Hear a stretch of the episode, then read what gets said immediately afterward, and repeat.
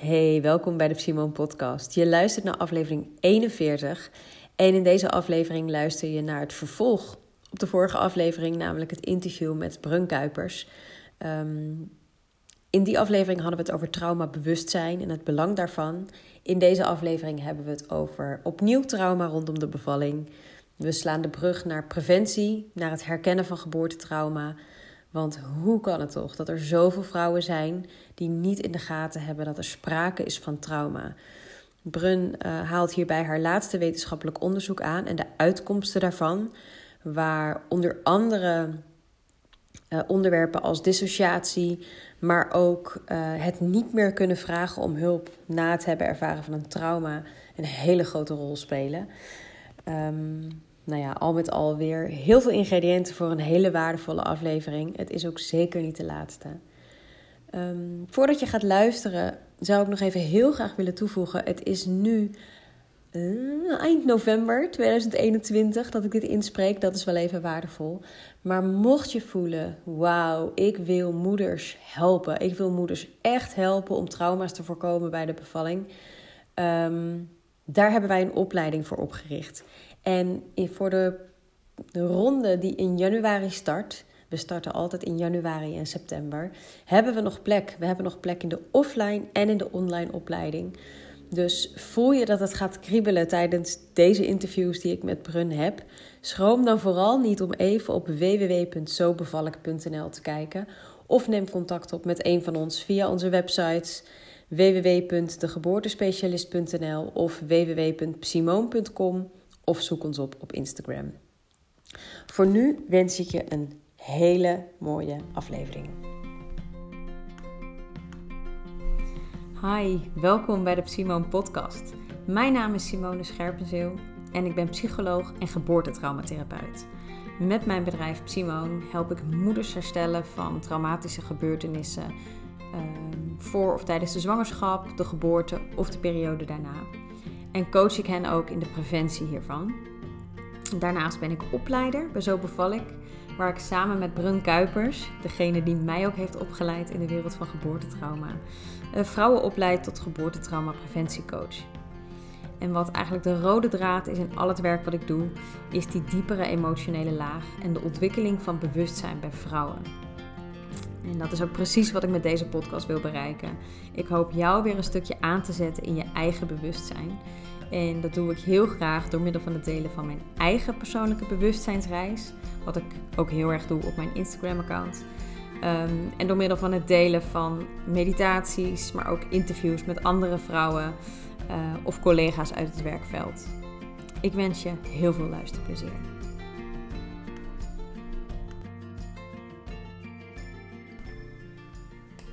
Yes, welkom terug.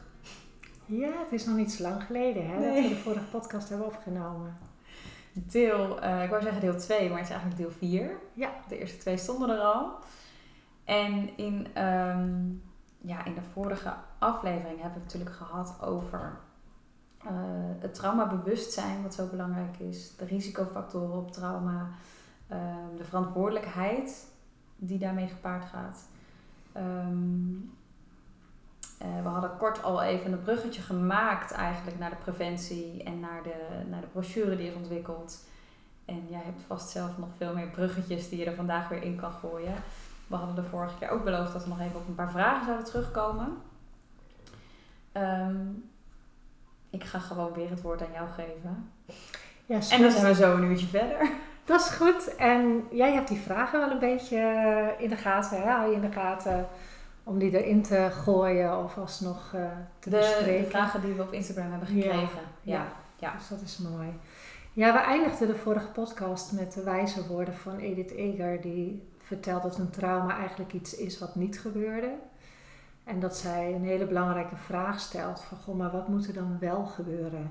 En wat kan je daar zelf aan doen? En ik denk dat dat een hele mooie kapstok is voor deze vierde podcast. En um, Waar het mij naartoe brengt is het meest recente onderzoek uh, wat ik in 2020 heb gedaan. Een wetenschappelijk onderzoek waar jij mij bij geholpen hebt om aan respondenten te komen. Maar vooral Berbel Emmons een hele grote rol heeft vervuld. Want die heeft feitelijk het onderzoek voor mij uitgevoerd. En En met heel veel moeders. Met heel veel moeders, ja, bijna 130 die hebben meegedaan. Eigenlijk meer, er zijn wel meer dan 200 die hebben meegedaan. Maar 130 hebben uiteindelijk meegedaan voor de wetenschappelijke uitspraken die we doen. En het is heel erg leuk om alvast even te noemen dat dat hele onderzoek leverde zoveel informatie op dat er twee wetenschappelijke artikelen aan het schrijven zijn die in Engeland gepubliceerd worden. En dat is iets waar ik heel trots op ben. Uh, ook echt dankzij Berbel, want die doet het meeste schrijfwerk. Ik doe meer het denkwerk. En ik let steeds op dat het bruikbaar is voor de praktijk. Um, maar we weten sinds kort dat um, het eerste artikel geplaatst gaat worden in de Journal of Reproductive and Infant Psychology. Dat is een heel gerenommeerd journal in Engeland. En uh, het tweede artikel wordt waarschijnlijk in Midwifery gepubliceerd. Uh, dat is allemaal nog spannend, want het moet nog heel wat processen door. Maar goed, naar dat onderzoek ga ik nu toch even verwijzen. Uh, deels omdat daar de brochure uit voort is gevloeid, die ik zo direct uitgebreid ga bespreken. Maar de kennis die we daar hebben opgedaan is niet onbelangrijk. Als je de vraag wil beantwoorden, wat moet er gebeuren, dan had ik toen nog de behoefte om een andere vraag te beantwoorden. Hoe kan het toch dat zoveel vrouwen niet in de gaten hebben dat ze een geboortetrauma hebben? En ik vermoedde dat daar uh, het fenomeen dissociatie een verklaring voor zou kunnen zijn. Want even, hoe wist jij dat die groep groter was eigenlijk? Ja, het ging mij opvallen naarmate ik langer dit werk doe en meer cliënten op mijn pad kreeg dat de tijd tussen het trauma en het moment dat ze zich bij mij melden best ruim was. Dat was eigenlijk altijd een jaar of zelfs veel langer. Ja. Dus in dat cruciale beginstuk na een trauma, waar we het in de vorige podcast over hebben gehad, hè, die eerste paar weken of maanden, ja, melden zich nauwelijks vrouwen. Ze zitten er wel tussen, ja. maar het gros meldt zich veel later. Dus ik ging mij afvragen, missen we niet een kans? En wat is de verklaring ervoor dat we dat missen?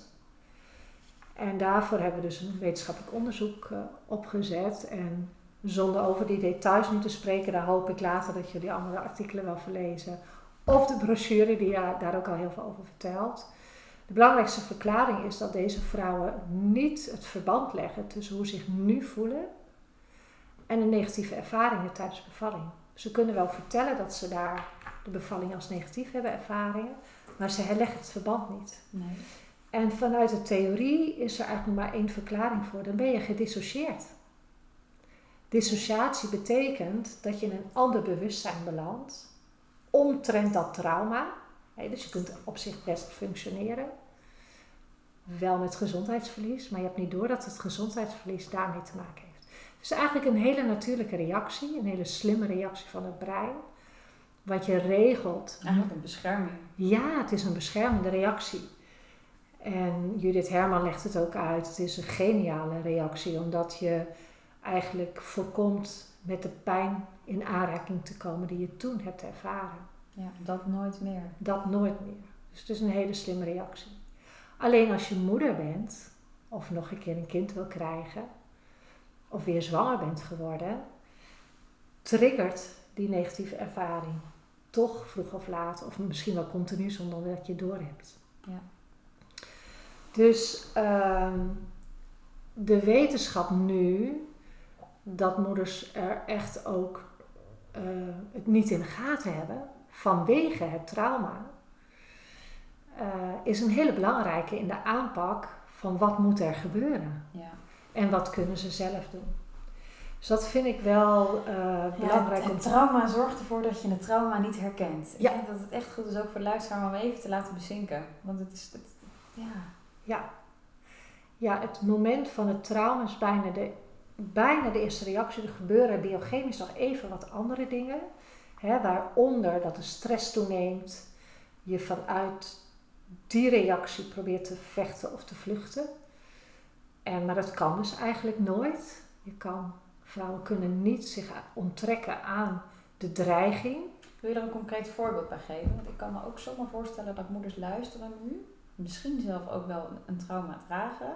maar toch nog in deze abstractie denken, oh ja, maar dat gaat over trauma, dus dat heb ik niet meegemaakt. Ja. Maar noem eens een, een misschien simpel voorbeeld. Aan de hand van een simpel voorbeeld die reacties uitleggen. Ja. Wat er gebeurt. Nou, een, een, een cliënt van mij die ik recent eh, ben gaan behandelen voor een geboortetrauma, die heeft, zegt ze ook op papier, een, best een hele mooie bevalling gehad. Grotendeels thuis, daarna samen met haar bekende verloskundige naar het ziekenhuis. En ehm, ze kreeg hulp van nog een onbekende verloskundige.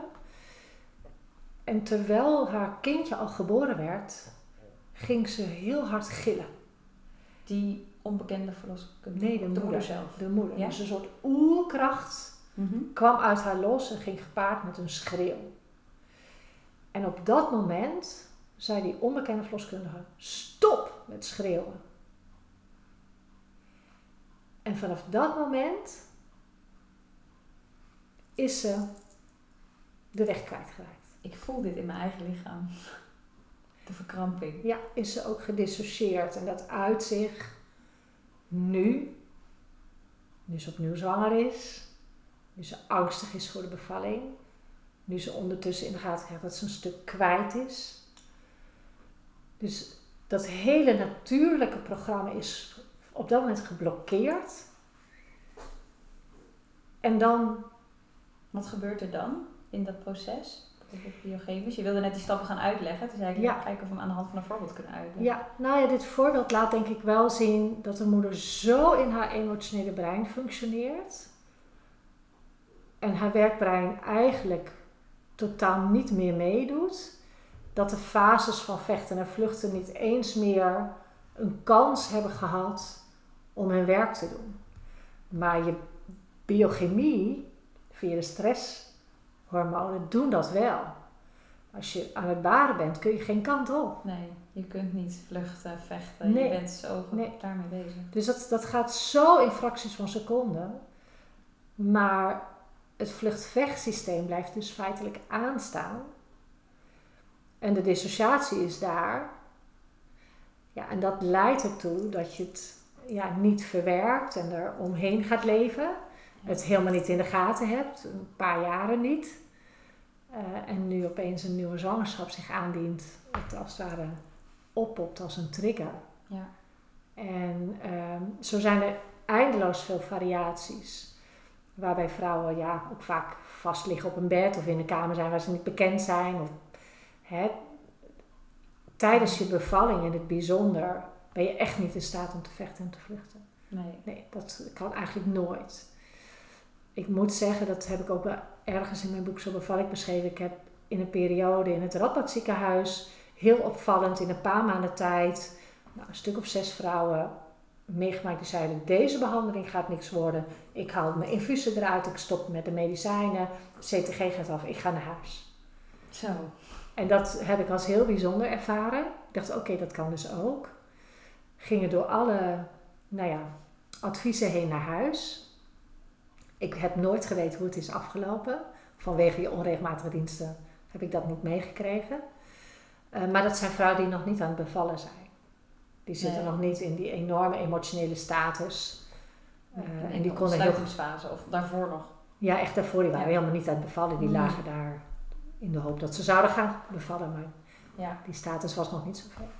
Ja, dus dat, eh, die dissociatie, hè, waar ik al wel wat van vermoedde, ja, die hebben we min of meer bewezen. Deels statistisch, heel interessant, dat je met statistische cijfers een significante correlatie kan vinden tussen eh, ehm, het fenomeen eh, geboorte ervaren tevredenheid en eh, ervaren traumaklachten daarna. En dat is een correlatie voor degene die misschien de wetenschapstaal niet helemaal spreken. Er is een verband tussen beide. Dus Ja. het is niet causaliteit, het een veroorzaakt het ander, maar er Nee. is een verband. Ja, ja en een, niet eh, weg te cijferen verband. Ja, Ja, ja. het is een sterke Statistisch. correlatie. Ja. Ja.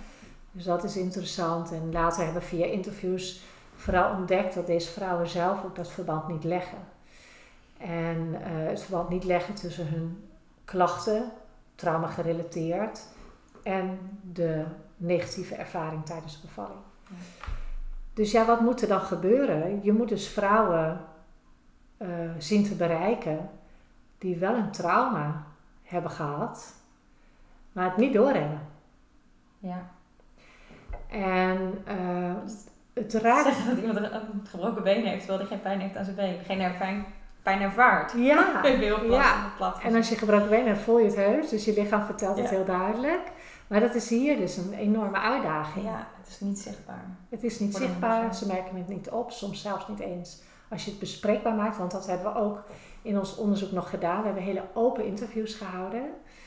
He, dus geen enkele sturing gegeven aan of ze dat verband zouden gaan leggen. Maar na ongeveer een half uur zijn we toch wat sturender vragen gaan stellen. En nog kwam dat verband Zoals bijvoorbeeld? Wat voor vragen stellen? Um, ik weet even niet uit mijn hoofd welke vragen daar precies zijn gesteld. Maar wel een beetje in de richting van, goh, zou het te maken kunnen hebben met uh, de ervaring uh, tijdens de bevalling? Oh ja. Ja. En daar kwam nog de link niet. Dus dat is heel interessant. Uh, op zich beschrijft genoeg theorieën beschrijven dit fenomeen. Hè? Dat, dat een trauma dat dus met je doet, die dissociatie. Maar het gaf mij in ieder geval wel antwoord op de vraag: hoe kan het toch dat al die vrouwen zich zo laat melden? En dat ze zich dan pas melden is dat ze zoveel uitval hebben, hè, dat ze zoveel klachten krijgen, ja. dat ze dan opeens denken van hé, hey, maar hier klopt iets niet. Nee. Dus dan is de schade eigenlijk al best heel groot. Dus ik werd uh, dankzij dat onderzoek en misschien ook wel mede dankzij dat, dat wij al samen bezig waren met de traumapreventie, wel heel erg uh, aangemoedigd om dit fenomeen vrouwen benaderen die het niet doorhebben en vrouwen benaderen om te voorkomen dat, het, dat ze een trauma gaan krijgen. Om daar wat mee te doen. Ja, want dan heb je ook de groep moeders die, uh, uh, die nog nooit eerder is bevallen, Ja. die je bewust wilt maken. Nou ja, daar hebben we het natuurlijk in de vorige, het vorige deel over gehad, van de risicofactoren.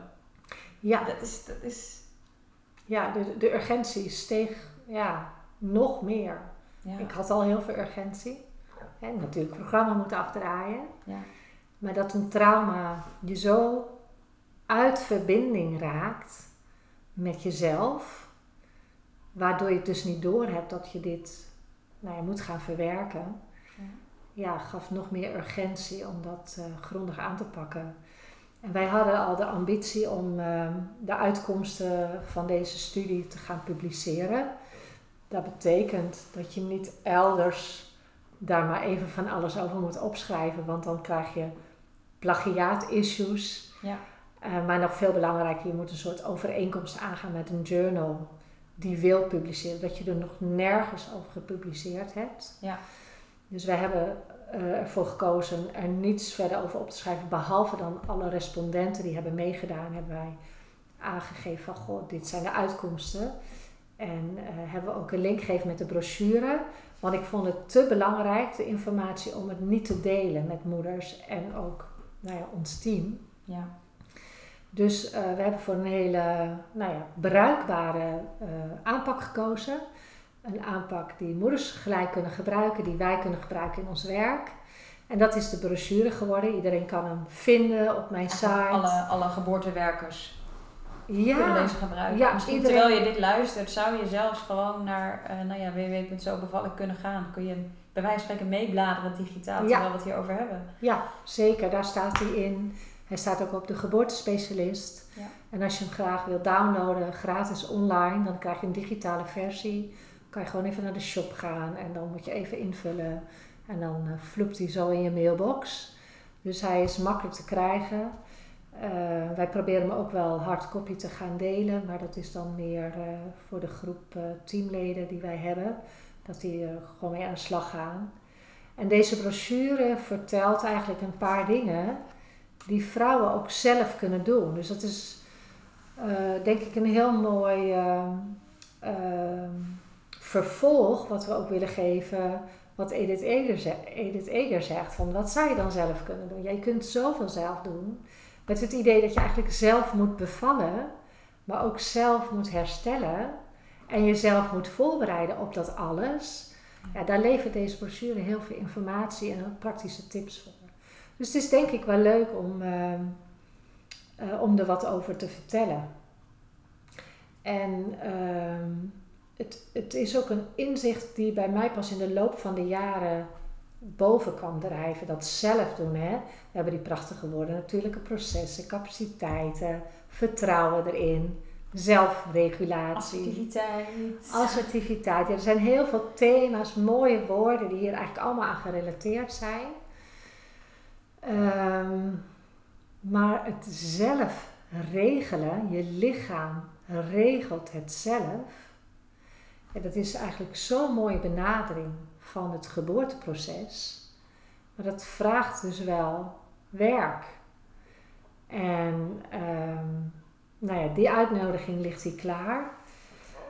Uh, het, is een, het is misschien wel leuk om, om een, quote erbij te betrekken van een moeder die ik al heel lang geleden heb gesproken. En uh, zij is hier geweest uh, voor een hersteltraject. En zij sprak tijdens het herstelgesprek het volgende uit. En dat onderstreept dit zelf doen ook zo. Ze zei in het herstelgesprek: Ik wist dat ik het kon. Ik heb van daaruit sturing gegeven aan de geboorte. Ik volgde mijn lichaam en vertrouwde erop. Zo kwam mijn baby vanzelf. Ik hoefde hem alleen maar te helpen.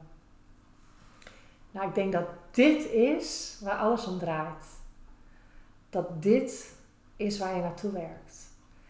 En ik kan er klinkt heel veel verbinding in door met zichzelf en met haar kind. Ja, ja, maar ook dat ze het kan. Ja, vertrouwen. Vertrouwen, ze deed het ook. En dat is er. Als die verbinding is, dan, dan voel je dat. Want dat is wat het is. Je kan het. Ja. ja. Geen twijfel. Net als dat je niet twijfelt of je kan ademhalen. Ja. Dat is precies hetzelfde. En dat is denk ik belangrijke stof tot nadenken. Nou ja, het voorbeeld wat, wat ik wel vaak geef is natuurlijk, ja, negen maanden lang bouwt je lichaam dat kindje vanzelf, daar twijfel je niet over. Behalve dan misschien hoe je voor jezelf zorgt en wat je eet. Ja. Of dat dan fijn en een positieve of negatieve invloed zou kunnen hebben. Maar verder, na negen maanden, als alles gewoon gaat zoals het gaat, is daar een kind. Ja, en waarom Heb je er ooit over nagedacht wanneer die tenen gebouwd moeten worden? Of de oren, of de neus, of de ogen? Dat ja. gebeurt, dat weet je lichaam. Ja. Je kunt je omgeving beïnvloeden. Ja, de omgeving waar het kindje in opgroeit, waar jij zelf in verkeert, waarmee jij je voedt, letterlijk en figuurlijk. Ja. Net als bij de bevalling. Ja. Ja, dus het is ook wel mooi om die parallel meer te gaan leggen door vrouwen zelf. Ja. Je wil het meest optimale voor je kind. Je wil het beste ervoor. Ja, dat is rust, dat is liefdevol, dat is verbinding, dat is vertrouwen, stilte. Hoe kan het dat je dat allemaal opgeeft? Ja. Nou, en deze moeder kwam daar weer mee in verbinding. Ja. Dus dat is heel erg mooi. En ja, we hebben het in de vorige podcast al even gezegd. Wij zien uh, zoveel vrouwen met schade. We hebben nu een getal eraan kunnen koppelen vanuit het onderzoek. Waar deze brochure voor is geschreven. Hè, 96% van de, in ieder geval van de steekproef heeft gezondheidsschade. Of eigenlijk gezondheidsverlies door negatieve ervaringen tijdens de bevalling. We hebben nog helemaal niet gehad over de periode daarna of ervoor, maar het is echt heel veel. Uh, een van de andere aspecten van een trauma is dat je geen hulp vraagt. Dat is ook echt kapot gegaan. We noemden dat straks al dissociatie, hè? dus dat je het niet door hebt dat je een trauma hebt. Maar een ander gezondheidsverlies is dat je geen hulp vraagt. Uh, je zeggenschap wordt eigenlijk ook uitgezet. Dus durven zeggen wat je te zeggen hebt, gaat eigenlijk ook stuk. Heel recent zag ik een, uh, een heel mooi bewijs daarvan uh, van een MRI-scan van een brein van een getraumatiseerd persoon. Dat was dan niet per se iemand met een geboortetrauma, maar wel met de identieke uh, eigenschappen. En daar zie je dus heel mooi dat het werkbrein, wat je helpt te zeggen en codes te geven aan wat je voelt, is ook helemaal uitgeschakeld. Dus dat is een heel mooi bewijs hoe dat dus werkt. Dat je dus je kan het ook niet meer vertalen. Nee, je kan werkelijk niet meer vertalen. Nee. Die harde schijf is gewoon uit. Ja. Op het gebied van je trauma, hè? Ja. Je kunt wel andere dingen zeggen, dat je boodschappen nodig hebt. Op het gebied van het trauma is dat uit.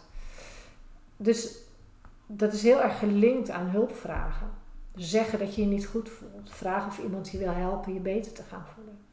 Dus dat is, dat percentage 1 op de 6 is ook, uh, ook hoog. En ja, dat, dat zijn wel lastige, lastige getallen, denk Er ik. klinkt hier even een, een geluidje van een andere laptop doorheen. Die zetten we even uit. Soms gebeurt dat ook, hè? Ook in een geboorteproces word je soms even gestoord. En dan kan je daarna gewoon weer verder. Ja. Dat is allemaal werk gaande. Ja. Dus ja, die getallen die haal ik dan toch even aan. Eh, ik hoor ook wel van teamleden, eh, reguliere zorgverleners houden ook heel erg van getallen. Nou, hier hebben we er dan nog een paar. Ehm, voor mij in ieder geval ehm, nog meer onderbouwing van de groep eh, die zorg nodig heeft. En waar we graag wat mee willen doen. Dus die brochure geeft daar handvatten voor. Wat ik nog wel vertel is eh, wat moeders mij al lang hebben geleerd, is dat fenomeen dat als, je, als een ander beter voor je weet wat je nodig hebt dan jezelf, dan geef je het ook uit handen. Dat betekent dus omgekeerd dat je moet weten wat je zelf nodig hebt. Dan kom je op dat punt uit. Wat kun je dan zelf doen?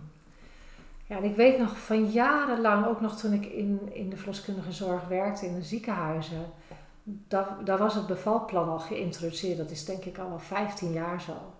Hoeveel vrouwen hebben gezegd, ja, ik moest een bevalplan schrijven, maar ik wist gewoon helemaal niet wat ik op moest schrijven. En dat hoor ik nog steeds. Dat is daar een hele mooie uiting van, hè? Dus dat je niet weet wat je wil, wat je nodig hebt. En ondertussen komen wel nou ja, een beetje de bekende wensen naar voren over geen prik na de bevalling. Of de navelstreng nog niet afklemmen. Of dat je partner de baby pakt. Allemaal helemaal mooi en prima. Ehm, maar het gaat natuurlijk om veel diepere wensen, veel diepere behoeftes. Ja, en, en ik hoor ook wel vaak van moeders dat ze, eh, als, als ze zo, zo'n ding moeten invullen, ze het gevoel hebben dat ze het voor de zorgverlener Ja. invullen. Ja. daar gaat het natuurlijk. Ja, het is heel fijn dat wie jij in je bed hebt uiteindelijk weet wat jij fijn vindt. Maar dat proces daarom, je schrijft hem voor jezelf in de kern. Ja. ja, we komen er nu ook steeds meer achter doordat we met moeders werken in die preventie. Dat het schrijven nog maar een heel klein aspect is van de effectiviteit van een geboorteplan, of hoe je het ook maar noemen, zou willen noemen. Eh, het gaat nog veel meer om de ontdekkingstocht. Wat maakt dat je dat wil? Ja. En dat je daarover spreekt, dus dat je je als het ware uit en ook traint je te uiten, maar dat je daarna ook leert de reacties nou ja, te aanvaarden die komen en daarmee om te leren gaan. Dus het hele proces van wat je nodig hebt en dat met iemand bespreken en uiteindelijk ook realiseren, dat is zoveel omvattender dan alleen maar vastleggen wat je wil. Ja. Zonder dat je onderzoekt wat daar eigenlijk de oorsprong van is. Waarom wil je niet een prik na je bevalling? Om nou ja, het nabloeden tegen te gaan. Ja. Waarom wil je zo graag zittend bevallen of de baby zelf aanpakken? Of de navelstreng laten uitkloppen. Ja, Ja. en het is fijn om moeders aan te moedigen en te helpen dat te onderzoeken. Want dan komt die verbinding ook zo tot stand. Letterlijk hè, in je brein groeien zenuwen als je dat onderzoekt. ja. Dus het is, het, het lijkt werk waarvan je denkt, ja, moet ik dat nou allemaal doen? Ja, want anders neemt iemand anders het van je over. Ja, en die verbindingen, dat is programmering. Wat je nodig Ja. hebt tijdens de bevalling, maar ook daarna in het moederschap. Ja. Het is letterlijk een voorbereiding op steeds. Ja, programmeren van je brein en van je cellen en je spieren. Ja, eigenlijk al je systemen. Ja. Dus dat, de uitwerking van zelf ermee aan de slag zijn gaat zoveel verder dan dat je maar zou kunnen vermoeden. En eh, ja, we hebben geprobeerd in, die, in de brochure wat handvatten te geven. En een hele logische, ja, het is ook allemaal geen hogere wiskunde, zeg ik wel eens.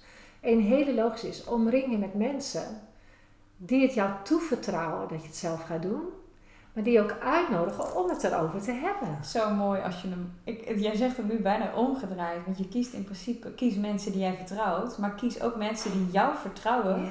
in jouw eigen kracht. Ja. Juist, daarmee draai je het al om, hè? Ja. Wat je vertelde volgens mij in de vorige podcast over dat die contacten zo kunnen veranderen.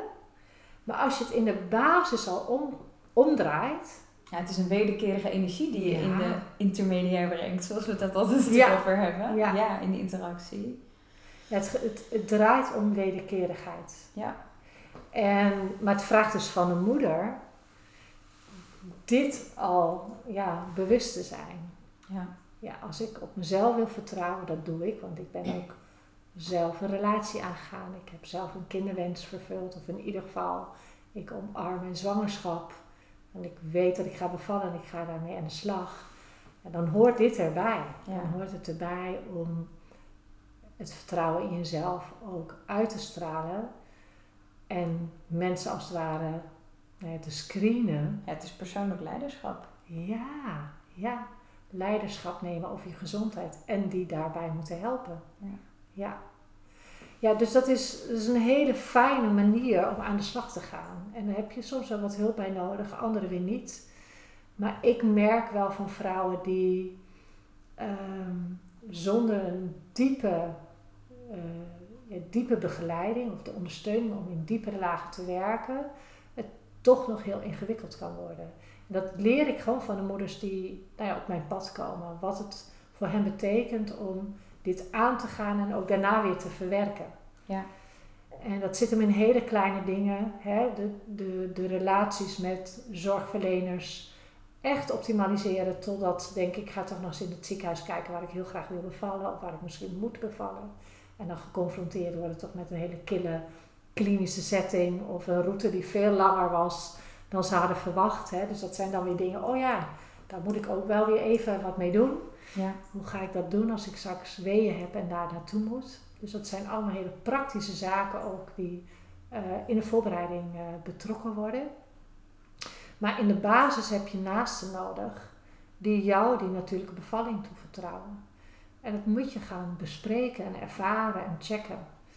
En ook hoe zelfverzekerder je daarin bent, hoe makkelijker het ook weer voor hen is. Ja, ja, dat, dat, Nou ja, dat heb ik zelf ervaren. Ja. Van mijn verloskundige die zei bij de vroeggeboorte van Kiki. Ja, weet je, het liefst eh, had ik je hier niet uitgehaald. Ja, je moet nu wel naar het ziekenhuis, maar eigenlijk had ik je liever je ding willen laten doen. En mocht ik toch gewoon helemaal in bad blijven, terwijl dat van de ziekenhuisregels niet mocht. Ik vond het zo mooi dat ze mij dat achteraf teruggaf, dat mijn vertrouwen haar vertrouwen gaf. ja. Ja, en zo werkt die onderlinge energie ook. En als je dat eenmaal in de gaten krijgt, dan ga je dat op alle vlakken van je leven kan je dat gaan inzetten. Geef je dat ook je kind weer mee. Ja, het, het, het heeft zo'n uitwerking. Ja, die uitwerking is enorm. Het is bijna een investering voor je leven. Nou, niet bijna. Eigenlijk Haal hem maar weg. Ja. Ja, dat Ja. klopt. Dat klopt. Het is niet alleen, Ja. je bereidt niet alleen die ene bevalling voor. Nee. Die ik nu bewust even heel klein maak. Die is niet klein. Die is al heel groot. Maar het is nog veel meer dan dat. Ja. Waar jij in, in ontwikkelt, waarin je transformeert. Klopt. Klopt. Het is niet even een cursusje kennis tot je nemen. Nee. En, en dan heb je een certificaat en dan kun je dat. Het is gewoon echt een transformatie waar je instapt. Ja. Die je ook niet meer terugdraait. Nee. nee, en dat doet me toch wel even denken aan eh, eh, cliënten die ik ook wel langs zie komen. Die ondanks hun eh, nou ja, positieve eh, ideeën over hypnobirthing samen bevallen. De yoga, de doula. eh, met alle respect voor die, die mensen die dat werk doen. Dit stuk, hè, zelf die verantwoordelijkheid nemen, zelf er werk van maken. Veel meer dan kennis tot je nemen. Dat is wel wat het verschil maakt. Ja. En dat zien we in ieder geval nu, eh, daar hoopten we ook op, en dat zien we ook zeker terug. Eh, en dat is misschien wel iets om later nog wel wat op in te zoomen. Wat zien we dan precies bij al die vrouwen die voor die traumapreventie kiezen? ja. Maar dit is wel. de zo bevallen coaching. Ja, Ja, bij de ja. coaching. Ja. Maar die, dat omringen met naasten, hè, die jou eh, natuurlijk bevalling toevertrouwen, is een, heel belangrijke stap. Ehm, een andere stap is, en dat is heel erg gelinkt aan risicofactoren, ga positieve beelden vormen. En we zeiden al, eh, de kans dat, dat je met de reguliere aanbod al in de zwangerschap met zoveel negativiteit eh, in aanraking komt. Ik hoor ook heel veel vrouwen zeggen, ik zie er toch best wel weer tegenop om die echo te krijgen. Of best wel weer tegenop om naar de gynaecoloog te gaan. Eh, of ik moet misschien me voorbereiden dat ik niet weer een bloedsuikercurve hoef te laten prikken. Hè, dat soort eh, ervaringen kun je heel mooi ombuigen om het naar het positieve te brengen. Maar dat vraagt ook wel training en aandacht. Wat is dat dan voor jou positief? Ja. En hoe moet dat eruit zien en met welke gevoelens gaat dat gepaard? En, en ook naast, misschien komt die zo nog, want ondertussen is Brun nog steeds vanuit de brochure dit eigenlijk allemaal aan het, aan het voordragen. Naast het de realiteit onder ogen zien wat we in de voorgaande aflevering hebben gedaan. Ja. Dus natuurlijk, ik denk dat bijvoorbeeld de hypnobirthing al heel erg dit ook doet, op het positieve Ja. inzoomen. Wat heel krachtig is, als je daarnaast ook de realiteit onder ogen durft te zien. Dat je weet, ik zeg daar ja tegen, ik zeg daar nee tegen. Ja. Die combinatie is ook ijzersterk. Ja, die, daar kan je niet zonder. Nee. Eh, je kan niet alleen maar de realiteit onder ogen zien en verder niks doen. Nee, want dan blijf je in het nee en in wat wil je niet. Ja, en dat blokkeert ook. Ja. Hè? Daar hebben we het ook al wel over gehad. Je kan ook niet alleen eh, de positieve scenario's eh, daar kennis mee maken. Het moet jouw verbeelding worden. En met die verbeelding moet je aan de slag. Als je dat niet doet, dan gaat het niet zijn uitwerking krijgen. Dus Ja. ook dat moet je ontginnen, gaan voelen, ervaren, uitspreken. En dat ook nog keer op keer. Ja, het- en dat, dat zeg je mooi, dat uitspreken erbij. Want zijn de, dat zijn de acties die je ook onderneemt. Voor degene die misschien nu denkt, ik ga op een kussentje zitten en ik ga het verbeelden. Er er- je koppelt daar eigenlijk automatisch acties aan. Op Ja. het moment dat je dat integreert en echt vanuit dat moederbrein, ehm, hoe zeg je dat? Op gang laat komen Ja. helemaal. Dan ga je met je gynaecoloog praten, met je partner praten. Ja. Het blijft niet bij alleen maar verbeelden. Nee, nee precies. Dus Verantwoordelijkheid. al die stapjes die je kunt zetten, hè, eigenlijk allemaal stappen in emotionele vaardigheden, dat zijn deze. Ja.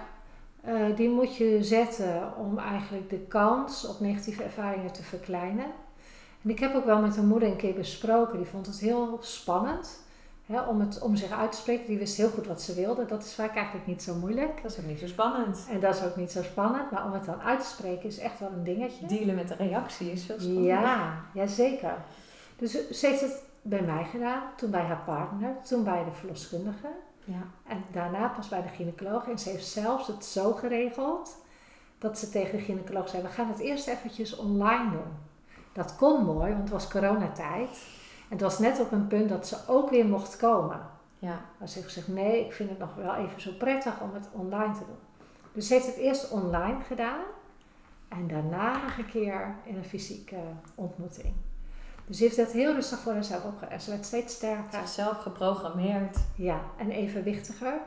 Totdat ze op het punt kwam dat ze een groep zorgverleners trof in het ziekenhuis bij twijfel of ze aan bevallen was of niet.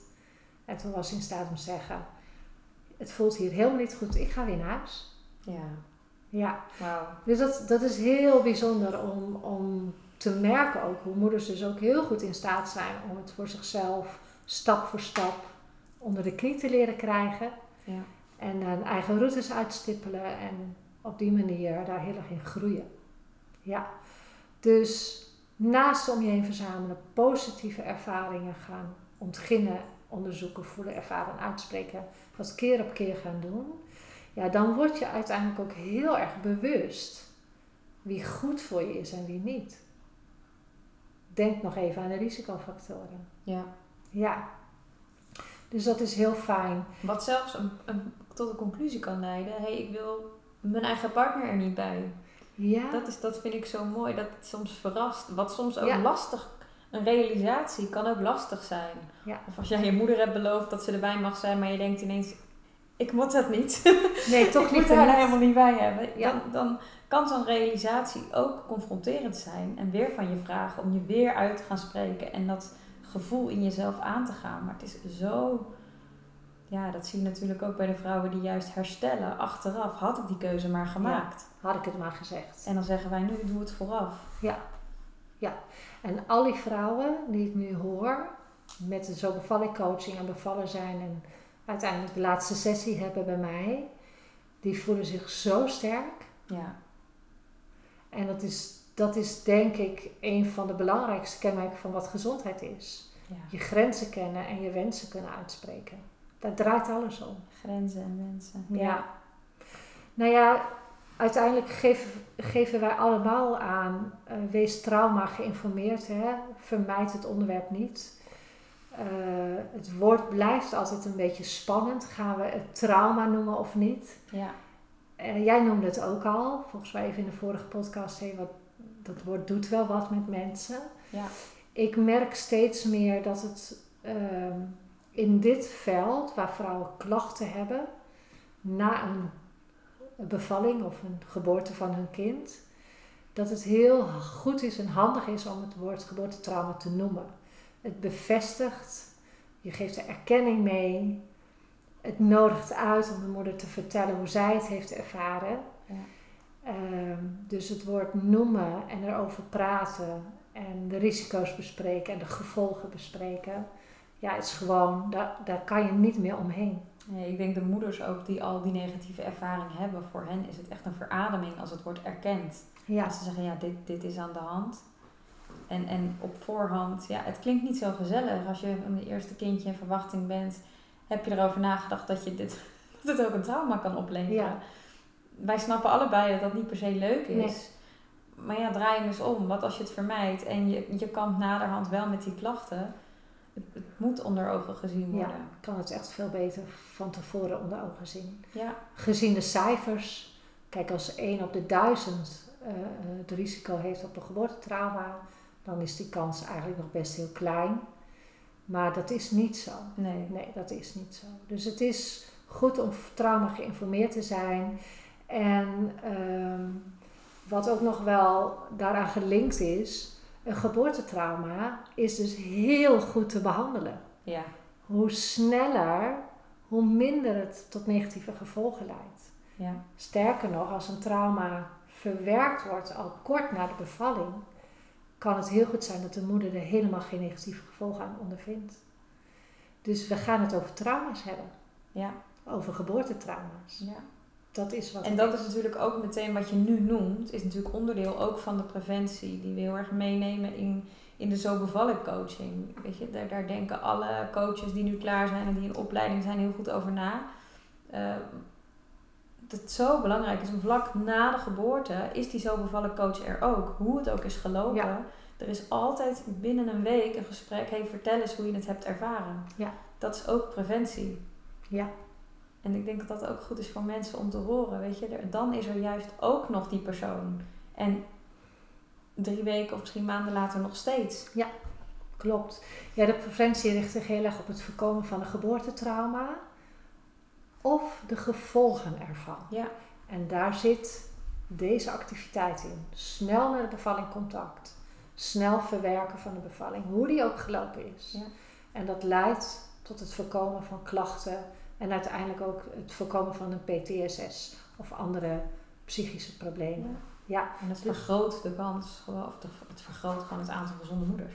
Ja, natuurlijk. En dat is waar wij natuurlijk, we hebben het nu natuurlijk op wat we niet willen, maar dat is wat we wel voor ogen hebben. Wat het continu ons doel is, dat is gezonde moeders voor en na die bevalling. En dus ook gezonde kinderen, ja. gezonde generaties. Ja. En dat maakt het natuurlijk ook heel uniek. Ja.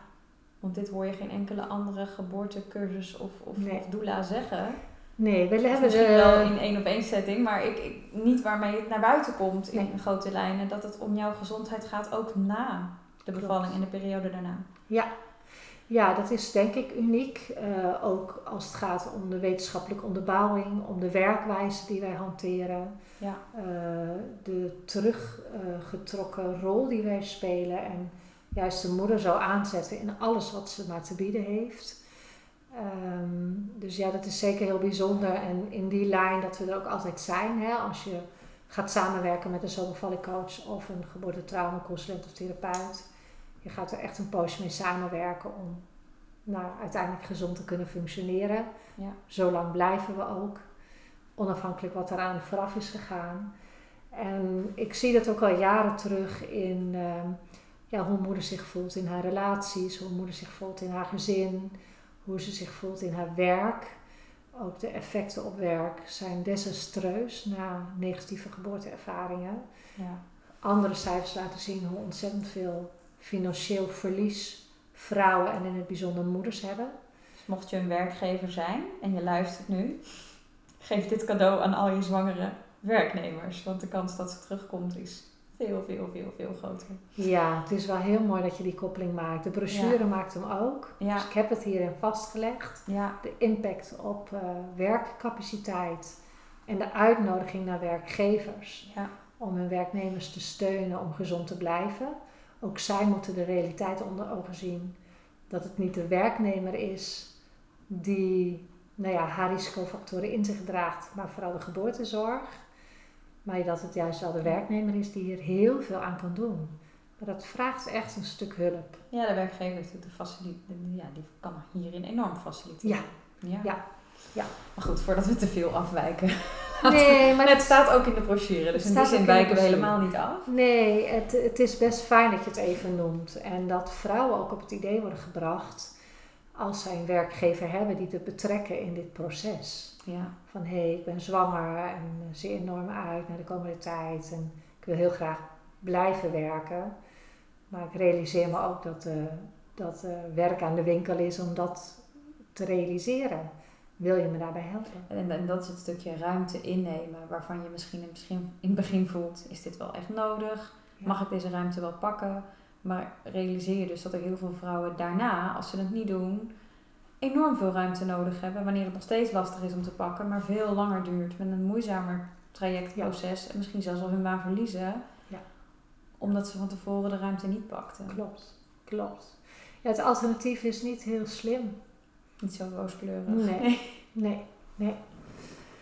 Nou, er staan ook nog wel wat tips in die je tijdens de bevalling kan doen. Ik denk dat het ehm, eh, niet heel erg nodig is om daar ontzettend diep op in te gaan. Behalve dan dat je ook dan je ruimte moet nemen. En je bent vaak al in een status van heel erg emotioneel functioneren. Je werkbrein is wat uitgeschakeld om volledig dat natuurlijk programma af te laten draaien.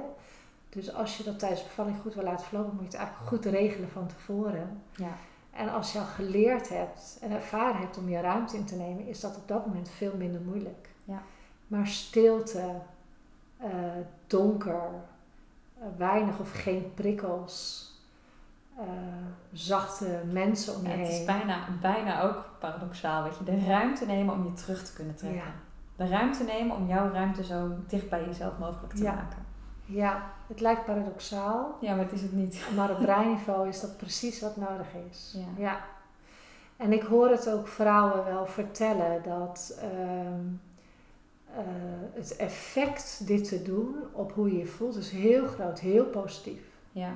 En om een bed te negeren en ernaast te gaan zitten en je kleedje daar neer te leggen en daar je baby geboren te laten worden. Of waar dan ook. Ja. Ehm, dus dus het, is, het is super belangrijk dat dit eigenlijk goed gaat lopen. En ga, ga het ook uitproberen nog als je nog zwanger bent. Ga, ga uitproberen hoe je dat voor je ziet. Hoe het is om gordijnen dicht of open te doen. Hoe het is om in een hoekje of midden in de kamer te zitten. Ja, nou, wat zijn überhaupt jouw, jouw behoeftes in bepaalde emotionele sferen? Ja. Weet je, eh, hoe verwerk je dingen? Aan wie heb je behoefte? Ben je iemand die veel lichamelijk contact wil of, of met mensen wil praten, schrijven? En dan bedoel ik niet tijdens de bevalling, want dan wil je dat niet, maar ook eromheen. Ja. Leer jezelf kennen. Ja. En deel dat. Ja. Want ook in contact met de ander leer je weer over jezelf. Ja. Het is zo mooi. Ja, dat is heel mooi. Dus eigenlijk wat je tijdens de bevalling kan doen, vraagt al aandacht van tevoren. Ik heb één moeder mogen begeleiden die heeft allerlei eh, moodboards gemaakt.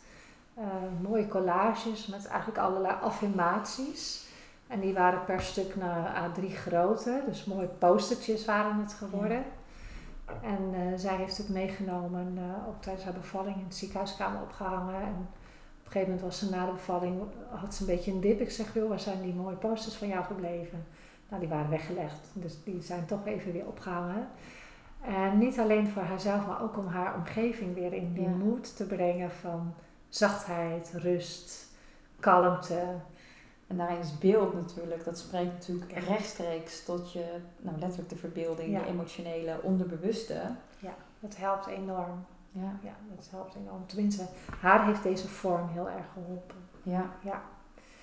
Ja, en in die lijn eh, is het niet heel eh, vreemd om na de bevalling ook te kunnen voorstellen dat rust en kalmte eh, super belangrijk zijn. En dat is ook echt iets wat je kunt regelen van tevoren.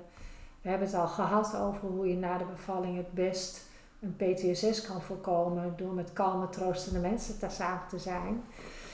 Uh, ik moet eerlijk toegeven dat de kraamtijd tegenwoordig daar niet meer heel erg toe uitnodigt. Hè. In Nederland hebben we kraamzorg met het idee dat laten we lekker iedereen langskomen. Ja. Dan krijg je een beetje het omgekeerde effect dan waar het En dan vooral zolang de kraamverzorgster er nog is, want ja. dan is het wat rustiger. Ja, ja maar ondertussen heb je heel veel prikkels en heel veel nou ja, afleiding. Ja. Uh, ik merk dat uh, vrouwen in de zo coaching ook daar veel meer hun gevoel volgen en de rust en ruimte regelen in de eerste periode na de bevalling. zo komen ook geboortekaartjes steeds later binnen. Ja. Want er wordt helemaal nog niet uh, rondgebazijnd dat de baby geboren is, maar er wordt voorkeur gegeven aan uh, de huiselijke rust en warmte. En dat lijkt heel erg op uh, de verhalen die ik wel ken nog van traditionele stammen. Er zijn er niet veel meer in de wereld, maar er zijn er nog steeds een paar. En ik heb ooit eens contact gehad met een verloskundige die daar werkte. En die zei, ja, zo'n zo'n zes weken na de bevalling is zo'n groep vrouwen, daar heb je bijna die voedstercellen weer. Ja. Die iedereen buiten de deur houdt van de net bevallen moeder en haar baby. het zijn een beetje de boze geesten uh, waar zij naar verwijzen. Maar dat is natuurlijk elke vorm van verstoring ja. uh, die nog buiten de deur wordt gehouden. Mijn kraambezorgster zei toen zo mooi. Die zei, Simone, je bent open gegaan, letterlijk, maar ook figuurlijk, emotioneel voor je kindje. Maar je staat open voor alles als je niet uitkijkt. Ja. Bepaal zelf wat jij binnen wil laten nu je open staat. Ja. Laat het vooral je kindje zijn. Ja. En niet meer heel veel meer dan dat. En dat vond ik zo, dat is me echt zo bijgebleven. Ja, en dan kom je weer een beetje uit op, op bescherming. Neem dus ook de tijd om je lichaam weer te sluiten. Ja. Jij hebt er zelfs een sluitingsritueel uh, aan gewijd. Ja, waar je bij was. Waar ik bij was, dat was heel mooi en bijzonder. Maar welke vorm je daar ook aan geeft, je lichaam heeft ook ruimte nodig om je te sluiten. Ja. En dat past heel erg bij het beeld van emotionele bescherming, maar ook immuniteit. Ja. Immuniteit is eigenlijk je bescherming op uh, microniveau, hè, rondom bacillen, schimmels, bacteriën, virussen. Dus je lichaam is ook opener voor infecties. Hoe meer je mensen niet toelaat als je zo open staat, hoe beter je beschermd bent en je baby ook. Ja. Dus daar staan ook wel wat tips in over de, uh, over de periode na de bevalling in de brochure. Ja. Van joh, probeer ook alleen zelf je baby vast te houden en te verzorgen. Uh, let goed op of je misschien toch reacties hebt van negatieve ervaringen. Probeer ook je bevallingservaring, wat je ook hebt ervaren, te verwerken. Vertel erover. Delen, delen, delen, delen. praat erover, steeds maar weer. Je zult ook merken dat je steeds weer ontdekkingen doet. En dat heel mooi kan verwerken met lieve mensen om je heen. Ja. Dus de brochure geeft eigenlijk allerlei hele praktische tips om zelf de omstandigheden te optimaliseren voor, tijdens en na je bevalling. Ja. En geeft ook wel wat uh, input om de signalen te herkennen als je mogelijk toch uh, een geboortetrauma hebt gehad. We hebben tot slot een uh, hele mooie zo bevallingszon opgenomen in de brochure. Die zon, daar staat wat uitleg bij met 10 items. Die items komen uit een bewezen meetinstrument wat we in de studie van 2020 gebruikt hebben. En deze items zijn heel mooi te gebruiken om na te gaan of je tevreden bent over de geboorteervaring. Ja, hij ziet er ook zo mooi uit. Ja, het is een hele mooie zon.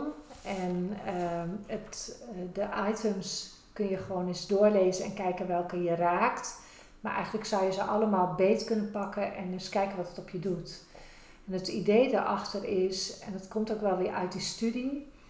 Uh, zodra een van onze respondenten negatief scoorde op een van deze items, konden wij het linken aan ook negatieve effecten na de bevalling, dus aan trauma-gerelateerde klachten. Ja.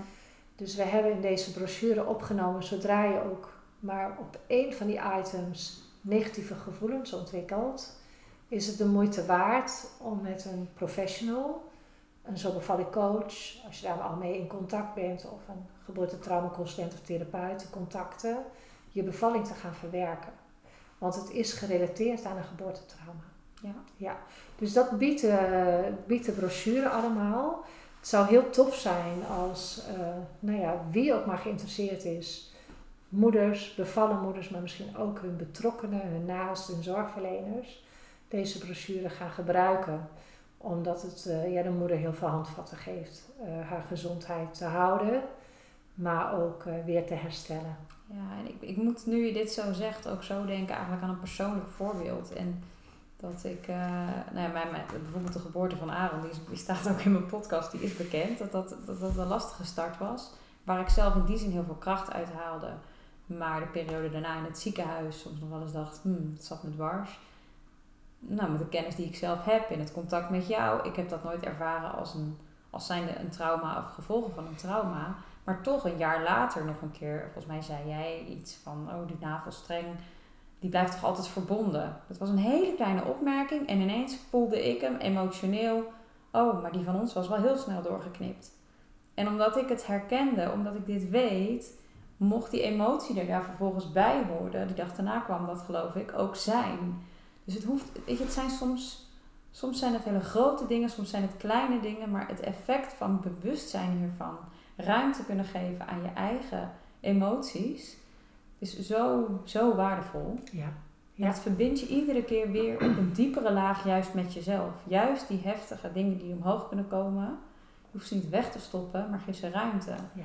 En, en ik denk dat ik dat inmiddels vrij makkelijk zelf kan. Maar dat er zoveel moeders zijn die hierin ja, gewoon die hand nog nodig hebben van ga er maar naartoe. Ja. Je hoeft dit niet uit de weg te gaan. Integreer het juist als onderdeel van jouw verhaal. Laat het er zijn. Uh, ja. Ja, en er naartoe gaan heeft echt vaak wat hulp nodig. Omdat het, hè, het hoeft niet altijd via dissociatie te zijn. Maar het, kunnen wel stukjes zijn waar je echt niet meer mee in verbinding staat. En ook die natuurlijke bescherming waar we het aan het begin van deze aflevering volgens mij over hadden. Het is een natuurlijk om er vanaf te bewegen. Maar daardoor blijft het ook uh, dat, je blijft eigenlijk uit contact met dat deel in jezelf. Ja. Dus uh, heel veel moeders voelen zich niet helemaal zichzelf. Dat is dit. Ja, dat is dit. Het niet kunnen verbinden met alles wat er was, wat er is, wat er speelt. Ja, ja en misschien nog wel fijn om heel even uit te leggen hoe dat werkt. Hè? Want in je brein regel je eigenlijk een, een ander bewustzijn, een, een omweggetje, een route eromheen. Dat is wat dissociatie is. Maar je hele lichaam, al je cellen hebben de ervaringen opgeslagen. Positieve ervaringen, maar ook de negatieve en de traumatische ervaringen. Dus die ervaringen, die komen echt steeds weer tot leven. Misschien ben je daar niet bewust van of heb je daar een opmerking of een trigger voor nodig. Ja. Maar het ligt vast in je lichaam. Dus veel beter en, en fijner is het om die ervaring toe te laten in je leven. Ja. Dat, dan kan je juist vanuit kracht, jij noemde dan een paar keer daadkracht, er een mooie betekenis aan geven. Het helpt je ook jezelf te kennen Ja. en van daaruit aan te geven, ja, dit heb ik meegemaakt, nu voel ik me zo, Ja. ik zou het liever nu anders doen. Ja. Dus het, die wetenschap ook, dat je hele lichaam eigenlijk vertelt wat je hebt meegemaakt, nou ja, omarm dat. Ja, en misschien, misschien, ik besef me nu ook, deel ik dit eigen voorbeeld ook om door dat stukje schuld-schaamte heen te breken. Ja, Weet je wel, het erkennen dat je iets heftigs hebt meegemaakt, dat het trauma was, traumatisch was, is natuurlijk soms best wel een hele grote stap, omdat er ook soms nog taboe op ligt. Of had ik dat zelf dan niet moeten voorkomen? Schuld, wat natuurlijk vaak gepaard gaat met dat trauma, of Klopt. altijd. ja, Dat als je dat al van jezelf toestaat, dan kan eigenlijk het verwerkingsproces pas beginnen. klopt. Dat is, nou ja, goed. Ja, en dat is heel mooi. En ik denk eh, dat we ook al best wel weer een uur aan het babbelen zijn, eh, Ja. Simone. Het is ook zo interessant. Mensen willen hier uren naar luisteren. maar we gaan hem wel zo afronden. Ja, ik wil, ik wil toch kijken of we hem kunnen afronden. Want ehm, voor gezondheid telt maar één ding. Je gevoel.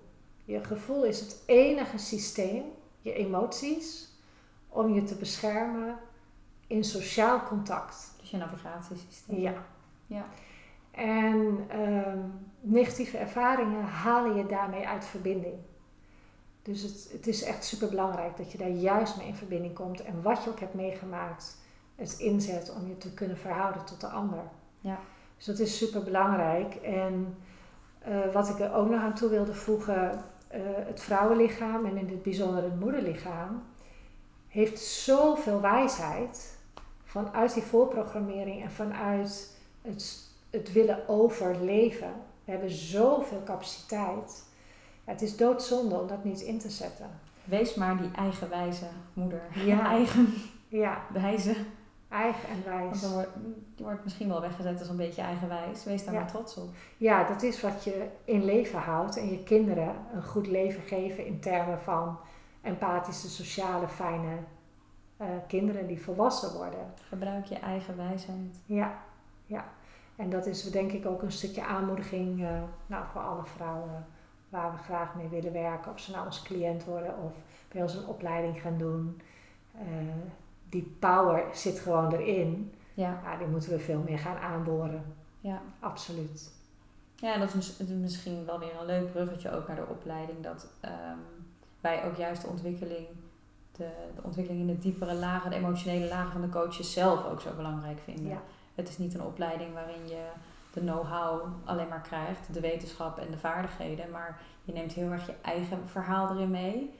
We gaan staan stil bij de praktische kant van het opzetten van een bedrijf, maar ook bij ehm, hoe, hoe, hoe ben je zelf, hoe zijn jouw emotionele vaardigheden? Hoe stevig sta jij? Hoe daadkrachtig durf jij te zijn? Kun je je onderscheiden van de ander? Als de ander het zwaar heeft, kun jij dan daar zijn? Er zijn heel veel zorgverleners die het dan een beetje benauwd krijgen, omdat ze dat eigenlijk in zichzelf nog niet aankunnen, Ja. die gevoelens. En het dan maar weer gaan fixen of, of vermijden. Klopt. Dus dat is zo belangrijk ook. Ja, ik vind het zo waanzinnig ook om te zien hoe, hoe de coaches die nu al aan het werk zijn dat doen en oppakken. Nou ja, jij refereert toch even aan het belang van het eigen verhaal. Hè? Ja, Hè, eh, ieder die, die hier zit en luistert, en ook zoals wij hier zitten te praten, we zijn een uitkomst van ons levensverhaal. ja. En dat van onze ouders en voorouders. Dus het is soms best wel fijn om dat ook eens te gaan onderzoeken of daar eens bij stil te staan. ja. Ehm, en dat levensverhaal is absoluut een basis in ons werk, in het werk met moeders. Ja, je kunt er bijna niet omheen, of je kunt er helemaal niet omheen om je eigen eh, capaciteiten te ontdekken, maar ook te ontdekken waar je nog sterker in wil worden. ja. Eh, dus dat, dat is super fijn om ook zo te werken. Het, het leidt ook tot direct verbinding. Hè, we hadden vanmorgen een uurtje contact met een persoon die we nog nooit hadden ontmoet, maar wel de opleiding bij ons gaat doen.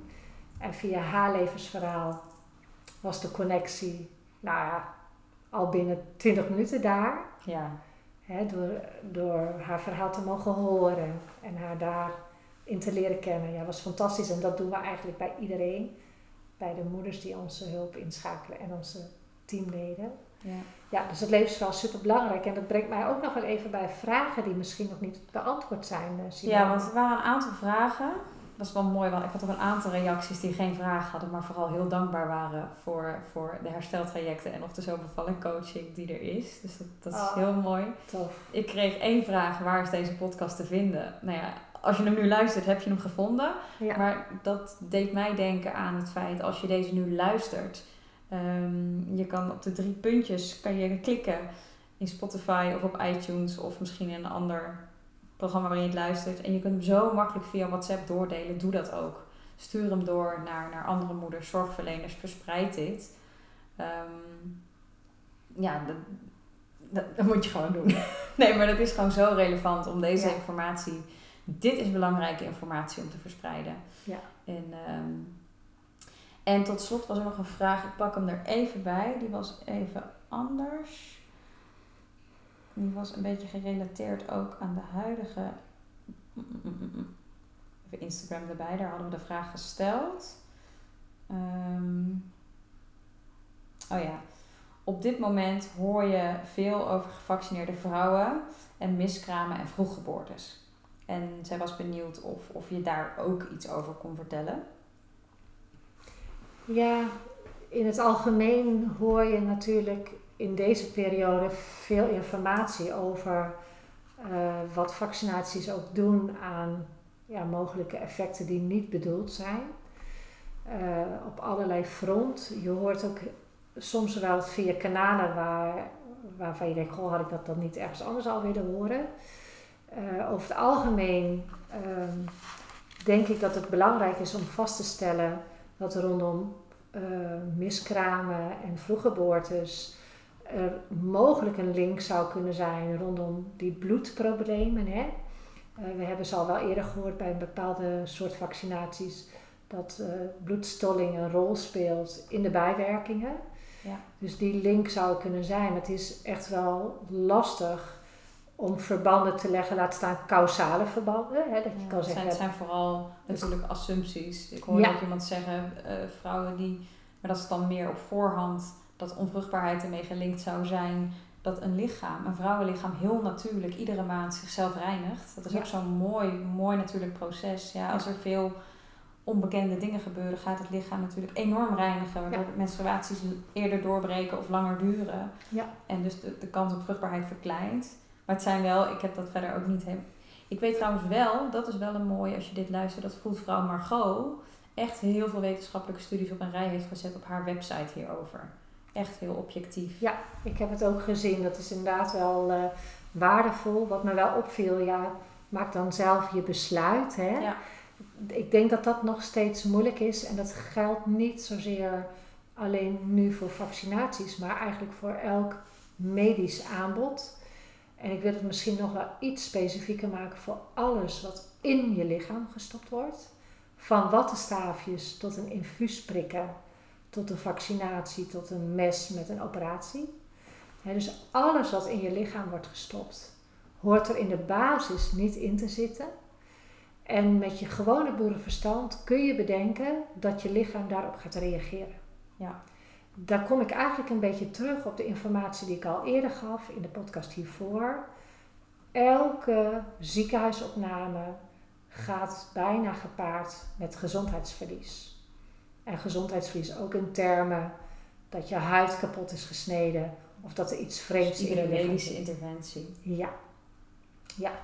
Dus uh, als je vanuit die basis uh, hiernaar kijkt, uh, dan denk ik dat ook vanuit gezond boerenverstand je heel voorzichtig moet zijn om überhaupt iets vreemds in je lichaam te laten stoppen.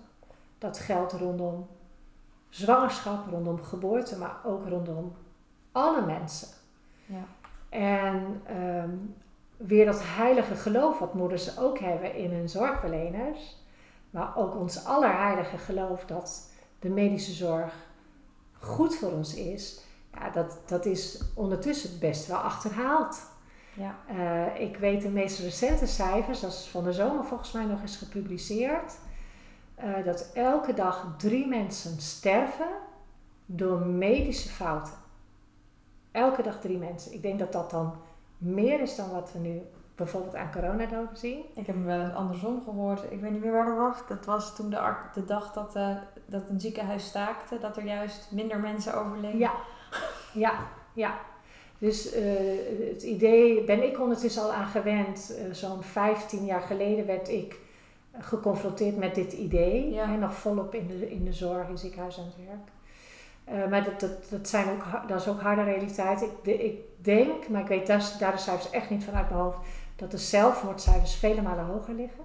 Dus dat elke dag veel meer mensen sterven aan suïcide. Nu op dit moment. Ja, ja. ja. dus heel even uh, hè, die, die, die linken met uh, hoe je naar cijfers kan kijken. Dus nogmaals, het, het heilige geloof in dat medische zorg goed voor ons is dat geldt lang niet altijd in het algemeen, maar je moet dat voor jezelf in het bijzonder gewoon nagaan. En dan komen we een beetje terug op het fenomeen wat is gezondheid. Ja, de meeste vrouwen die een kinderwens hebben en zwanger worden en gaan bevallen, zijn in de basis gezonde vrouwen. Ja, uh, ga bij jezelf na, wil je daar nog iets vreemds aan toevoegen ja. of niet? En uh, ik weet zelf ondertussen ook wel iets meer over de factoren van invloed op miskraam en verlies. Dat zijn er heel veel. Ja. Dus alleen kijkend naar de vaccins, heel ingewikkeld zul je ook Als je alleen al kijkt naar de stressomgeving die er nu is in de samenleving, is ja. het ook wel heel groot. ja. persoonlijke omgeving. Ja, en er zijn nog veel meer voorgeschiedenis, ja. uh, patronen, uh, verwerkte trauma's of niet. Ja. Dus, uh, ja, ik weet dat er laatst was er ook een, volgens mij een gynaecoloog die zei, weet je, normaal zie ik, uh, En dat gaat dan meer over, over zwangerschappen die zo die in later stadium zeg maar misgaan. Normaal zag ik er twee, drie per maand en nu waren het er ineens Ja. 24. Ja. En dat zijn natuurlijk nog steeds geen eh, significante cijfers misschien, Nee, maar maar wel opvallende. ja, opvallendheden Ja. die genoemd worden. Klopt. Ja. ja, dat is zeker iets om zorgen over te maken. Maar ik denk het feit dat je deze vraag stelt, zou een compliment moeten zijn voor jou. Omdat je ergens bewust bent dat er dingen aan elkaar gelinkt kunnen zijn. En ga bij jezelf op onderzoek uit wat het voor jou betekent. Ja. Als jij ergens die link legt, die misschien een ander even voor je heeft voorgekoud, tussen deze twee fenomenen, een vaccin krijgen en vroeggeboortes. Eh ja, dat is denk ik een heel belangrijk moment in je leven. En voel. Want wat ik ook merk is. ehm, ik spreek wel veel vrouwen en ik merk het zelf ook bij een aantal dingen. Ik wil het niet. Maar ik heb de woorden soms nog niet om het precies uit te leggen. Maar Ja. je gevoel het niet te willen is voldoende. Ja. Je mag gewoon nee zeggen. Ik, ik wil het niet, het voelt niet goed. Ja. En, en soms bevrijdt dat heel erg. Je hoeft niet te kunnen uitleggen. Ik heb dat en dat onderzoek gelezen. Dat zijn de significante uitkomsten. Want in, in de wereld van wetenschap zijn er altijd dingen die elkaar tegenspreken. Dus dan beland je in een discussie eigenlijk weer op werkbreinniveau. Ja. Terwijl je voelt aan je lichaam. Je kunt het ook merken als je in contact bent met je lichaam. Hé, hey, wat gebeurt er met jouw lijf als je hierover nadenkt? Is er ergens een verkramping of een, nee, een ander gevoel wat niet prettig voelt? Dat is jouw wetenschap. En luister daarnaar. Ja, en zeg maar gewoon nee. Als, Punt. Ja. Ja, je komt weer uit bij de waarde van wat ons gevoel is en Ja. welke rol die speelt in ons leven. En dat is dit. Ja. Ja, dus het is eh, een hele mooie vraag, heel relevant. En ja, ik breng hem graag in dat grotere perspectief dat eh medische ingrepen en vooral in termen wat in je lichaam gestopt wordt, eh, dat het nou, altijd een reactie oproept in je lichaam die meestal gepaard gaat met negatieve effecten. Ja. Wat voor manier dan ook. Maar dank voor je vraag. Mooi. Dan hebben we denk ik eh, heel veel besproken weer. eh. Ik denk dat we Simone. heel veel hebben beantwoord. Misschien hebben we ook wel heel veel vragen gecreëerd. ja. Weet ons dan te vinden op, ehm, op Instagram onder Zo Beval ik. Stuur ons gerust een, een DM, een bericht met je vraag of je enthousiasme. Het is ook super leuk als je deze aflevering hebt geluisterd en er bijvoorbeeld even een screenshot van maakt en hem deelt op Instagram en ons even tagt. Dat kan zo bevallig zijn, maar je mag ook eh Brun taggen onder de geboortespecialist of mij op eh, mijn Simone account. Want als, we dat, eh, als je ons tagt, dan kunnen we het zien, kunnen we het ook weer doordelen. Want wij maken dit graag, hoe zeg je dat, wereldkundig. ja, ja. Over de grenzen heen zelfs. Dus ehm dankjewel voor het luisteren in ieder geval. En misschien alvast ook wel voor het doordelen. Ehm, wij voelen al dat er weer een volgende ook op de planning staat. Waarover precies, dat, dat gaan we zien. En misschien wel op basis van jouw input. Dus laat het vooral weten. En ehm, ja, tot de volgende aflevering. Bedankt. Jij ook bedankt.